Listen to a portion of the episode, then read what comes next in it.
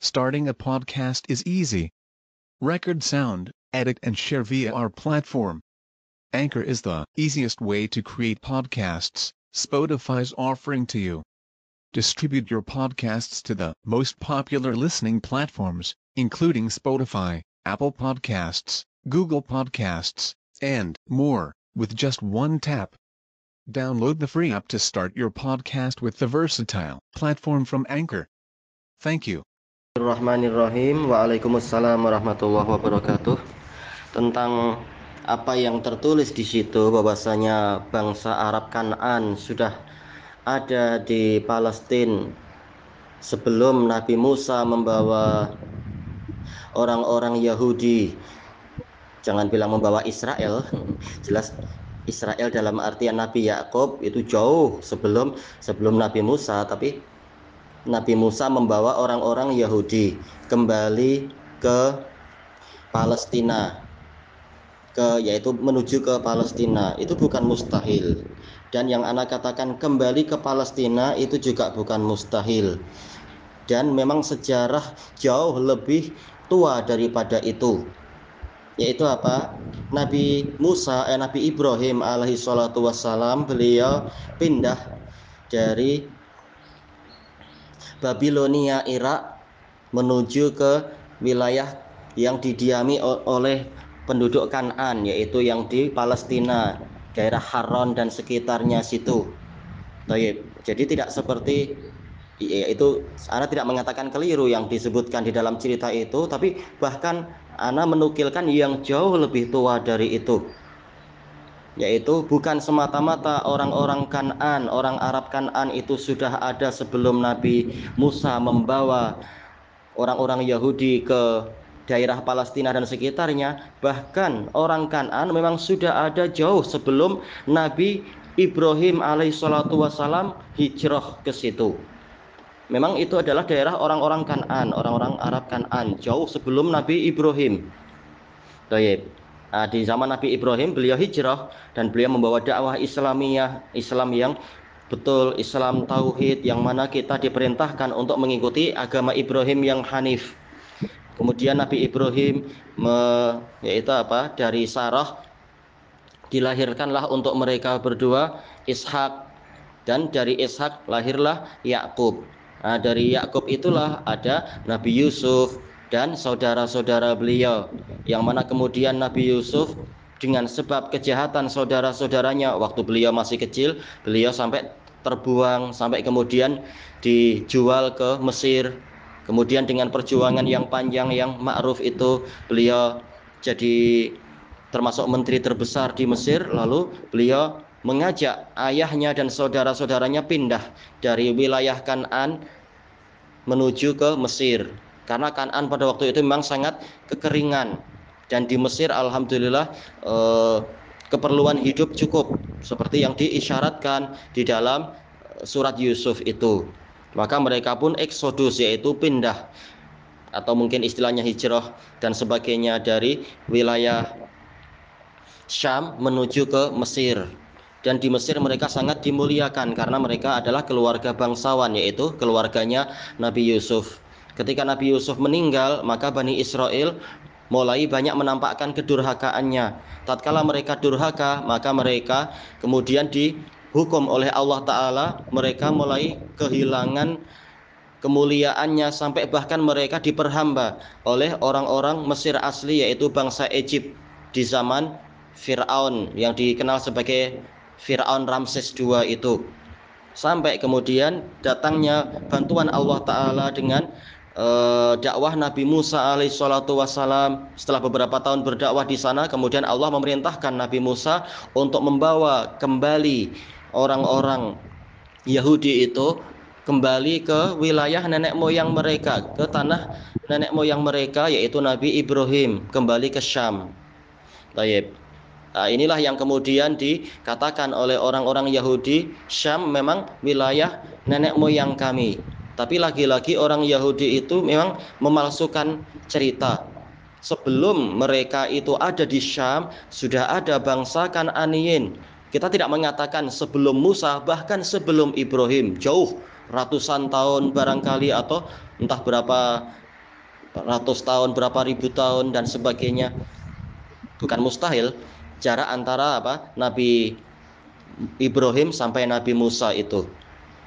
Dan itu pun ketika Nabi Musa alaihissalatu wassalam mengajak mereka masuk ke Baitul Maqdis untuk me menduduki wilayah itu, wilayah nenek moyang mereka itu, mereka tidak mau sebagaimana disebutkan di dalam uh, surat Al-Maidah. Padahal Nabi Musa sudah mengingatkan bahwasanya Allah menjamin bahwasanya kalau mereka masuk mereka akan menang. Tapi ternyata orang-orang Bani Israel memang sangat pengecut, sangat penakut. Mereka mengatakan bahwasanya kami tidak akan masuk ke situ selama orang-orang kelompok yang dikatakan Amalikoh dan sebagainya itu yang memang badannya katanya besar-besar Jabarun dan sebagainya itu sebelum mereka keluar maka kami tidak akan mau masuk. Tetapi pergilah engkau wahai Musa bersama Robmu dan berperanglah kalian berdua. Kami duduk saja di sini duduk-duduk nah, orang-orang seperti itu tidak layak untuk dikatakan sebagai uh, penduduk atau sebagai pemilik sah dari wilayah Syam mereka sendiri penakut pengecut tidak mau berjuang bersama Nabi Musa dan sebagainya.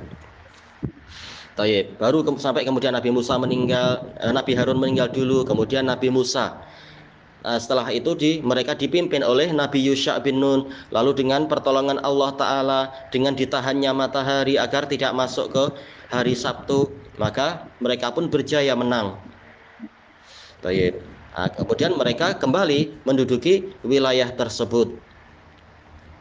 Dan kemudian mereka memerintah wilayah itu sampai selama beratus-ratus tahun sampai datangnya penjajahan yang dilakukan oleh Jalut. Penjajahan terhadap orang-orang Bani Israel yang ada di wilayah Palestina itu yang ceritanya diisyaratkan di di dalam surat Al-Baqarah. Tayyib yang mana mereka meminta kepada Nabi yang ada di masa itu untuk mengangkat seorang raja agar memimpin mereka berjihad di jalan Allah. Dan ceritanya ma'ruf di dalam surat Al-Baqarah yang mana e, ketika Nabi tersebut mengatakan bagaimana kalian apabila ditetapkan berjihad boleh jadi kalian tidak mau berjihad. Lalu mereka mengatakan bagaimana kami tidak berjihad sementara kami telah diusir dari tempat-tempat tinggal kami dan dari keluarga kami dan seterusnya itu. Kemudian ketika diwajibkan jihad, ternyata mayoritas dari Bani Israel mereka berpaling. Inilah keadaan mereka. Tidak layak mereka dikatakan mereka adalah penduduk e, Palestina, penguasa Palestina, pemilik sah Palestina. Mereka pengecut, mereka tidak siap untuk merebut tanah itu sesuai dengan perintah Nabi dan juga mereka tidak siap untuk mempertahankan tanah tersebut sesuai dengan perintah Nabi yang satu lagi. Intinya mereka memang tidak layak. Cuma mereka hanya akan menikmati tanah tersebut dan kemenangan apabila kaum mereka mendapatkan kemenangan walaupun yang berperang bukan mereka, bukan mayoritas dari mereka. Yang berperang hanya mukminin yang sedikit saja. Baik. Sampai kemudian Nabi tersebut menetapkan bahwasanya yang memimpin mereka sebagai raja adalah Tolut dan mereka kemudian membantah lagi begini begini begini sampai kemudian Nabi tersebut mengatakan bukti kekuasaan Tolut adalah didatangkannya tabut yang dipikul oleh malaikat. Yang mana di dalam tabut tersebut ada sisa-sisa peninggalan dari keluarga dari uh, keluarga Nabi uh, Harun. Dan eh, dipikul oleh malaikat. Sampai kemudian Allah taala menyebutkan dalam cerita itu bagaimana mereka diuji dengan sebatang sungai. Ternyata mayoritas dari mereka yang berangkat itu tidak sanggup untuk e, melewati ujian tersebut yang berperang yang sabar dan berperang hanya 315 atau 317 orang dan semacam itu. Sebagaimana disebutkan di dalam Sahih Bukhari yang mampu melewati sungai itu dan ikut berperang hanya seperti sebanyak pasukan yang membantu Rasulullah SAW dalam perang Badar. Hanya sedikit saja tapi kemudian justru pasukan yang sedikit itulah yang meraih kemenangan. Dan siapa yang menikmati kemenangan setelah itu semua Bani Israel padahal mayoritasnya tidak ikut berperang tapi memang itulah karakter Bani Israel Taib. sampai kemudian mereka menang lalu mereka uh, melanjutkan pemerintahan di situ dipimpin oleh Nabi Dawud, kekuasaan semakin membesar, kemudian dilanjutkan oleh Nabi Sulaiman, kekuasaan semakin membesar dan seterusnya dan seterusnya itu. Uh, ketika Nabi Sulaiman alaihi salatu wassalam meninggal dunia, beliau tidak memiliki keturunan untuk memimpin. Akhirnya apa? Sementara Bani Israel mereka durhaka, mereka menuduh Nabi Sulaiman ini menguasai segalanya karena sihir, memakai sihir. Maka mereka pun banyak mempelajari sihir dan mereka membuang kitab suci ke belakang mereka seperti yang Allah sebutkan di dalam surat Al-Baqarah itu. Kemudian disebutkan oleh para ulama bahwasanya ketika Bani Israel semakin durhaka akhirnya mereka pecah. Kekuasaan mereka yang semula meluas di Syam dan juga sampai ke Yaman dan juga sampai ke dan juga sampai ke Irak dan Iran itu pecah karena mereka saling berebut kekuasaan satu sama lain. Kekuasaan kemudian terpecah jadi dua, yang berpusat di Irak dan di Babilonia dan yang berpusat kalau nggak salah Babilonia atau sekitarnya dan yang berpusat di Baitul Maqdis. Yang di Irak kesyirikannya sangat besar, sementara yang di Syam mereka punya maksiat-maksiat yang banyak tapi tidak separah yang di Irak. Akhirnya yang di Irak di hukum oleh Allah Ta'ala lebih dahulu dihancurkan oleh Raja Babilonia lama kalau tidak salah e, yaitu apa? E, Bukhtansor yang dikenal di dalam sejarah ditulis sebagai apa? Nebukadnezar. Nah, dia Bukhtansor itu menghancurkan tersebut menghancurkan kekuasaan Bani Israel yang di Irak Sementara yang di Syam dihancurkan karena kedurhakaan mereka, dihancurkan oleh orang-orang Romawi, dikuasai oleh kerajaan Romawi setelah kerajaan Romawi membesar dan mengalahkan Macedonia, mengalahkan Yunani dan sebagainya itu. Tayyip. Sampai kemudian kekuasaan Romawi membesar dan mengalahkan wilayah yang banyak sekali sampai ke semenanjung sampai ke semenanjung Arab, sampai ke wilayah Busra. Sementara yang di yang di wilayah Irak itu kemudian dihancurkan oleh kerajaan yang membesar berikutnya yaitu apa? Kerajaan Persia dan seterusnya yang mana kekuasaan Persia juga menyebar sampai mendekati semenanjung Arab sampai ke wilayah Bahrain. Dan itulah sejarah dari Bani Israel. Mereka eh, dengan kejahatan dan kebusukan mereka tidak layak mereka untuk menguasai wilayah Palestina ataupun wilayah yang lain sampai kemudian memang mereka dihukum oleh Allah tidak memiliki tanah air mereka terpencar-pencar ke mana-mana sebagiannya melarikan diri sampai ke sampai ke wilayah uh, Yasrib seperti yang Anda baca di dalam sejarah Yasrib yang mana mereka terbagi menjadi tiga yaitu Yahudi Bani Qainuqa, Bani Nadir dan Bani Quraidah. Sementara yang di luar Yasrib mereka membuat uh, perkampungan di wilayah Khaybar, Yahudi Khaybar dan sebagainya. Nah, sementara yang di Syam mereka dijajah oleh orang-orang Romawi secara turun temurun sampai di zaman Nabi Daniel sampai di zaman Nabi uh, sampai di zaman Nabi Isa.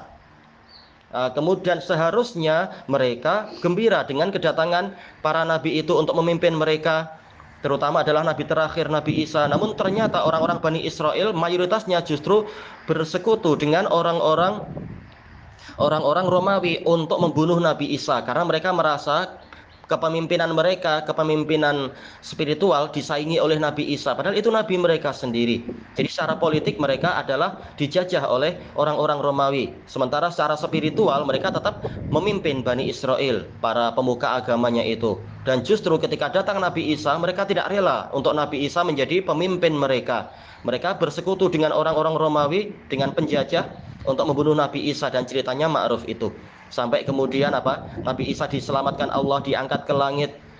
Sementara para hawarion terpencar-pencar dengan membawa apa yang mereka hafal dari Injil dan hafalan mereka ternyata tidak sama satu sama lain, perbedaannya sangat jauh dan seterusnya. Inilah keadaan dari Bani Israel. Keadaannya seperti itu. Jadi kalau mereka mengklaim bahwasanya wilayah Syam terutama daerah Palestina itu wilayah mereka, mereka tidak punya hak sama sekali. Itu bukan hak mereka.